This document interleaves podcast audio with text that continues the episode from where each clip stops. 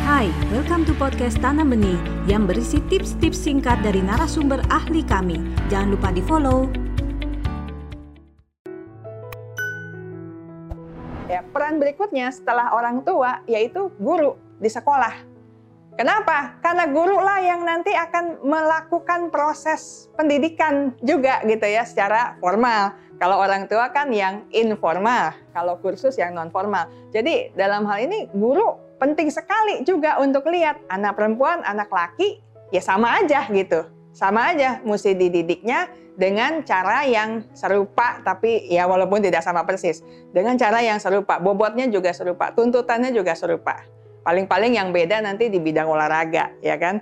Tapi kalau yang lain-lain nggak masalah gitu. Anak perempuan mau ikut pertukangan, why not? Anak laki mau ikut masak juga nggak apa-apa. Tapi ini fokus kita kan di anak perempuan. Jadi di sekolah juga perlu ditanamkan bahwa anak perempuan itu berharga, bermakna, penting. Perannya itu penting. Sehingga kalau misalnya anak perempuan matematikanya kurang, dan sebenarnya dia mampu matematika, beda kalau dia memang nggak mampu, lain cerita. Kalau dia memang mampu matematika, ya mesti dipompa gitu. Ayo nak, kamu bisa gitu.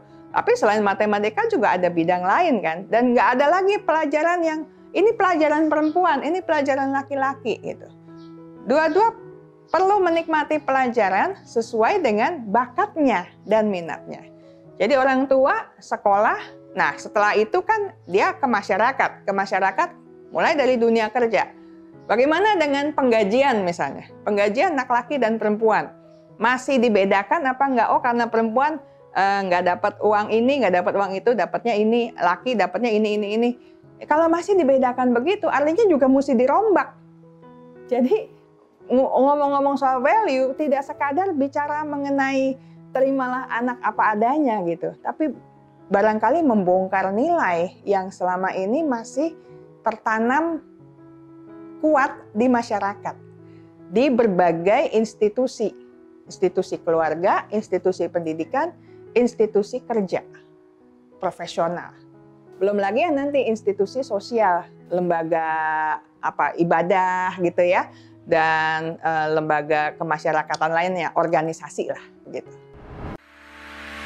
Anda baru saja mendengarkan tips dari Tanam Benih Foundation.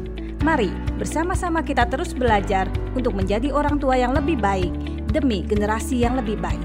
Jangan lupa follow podcast kami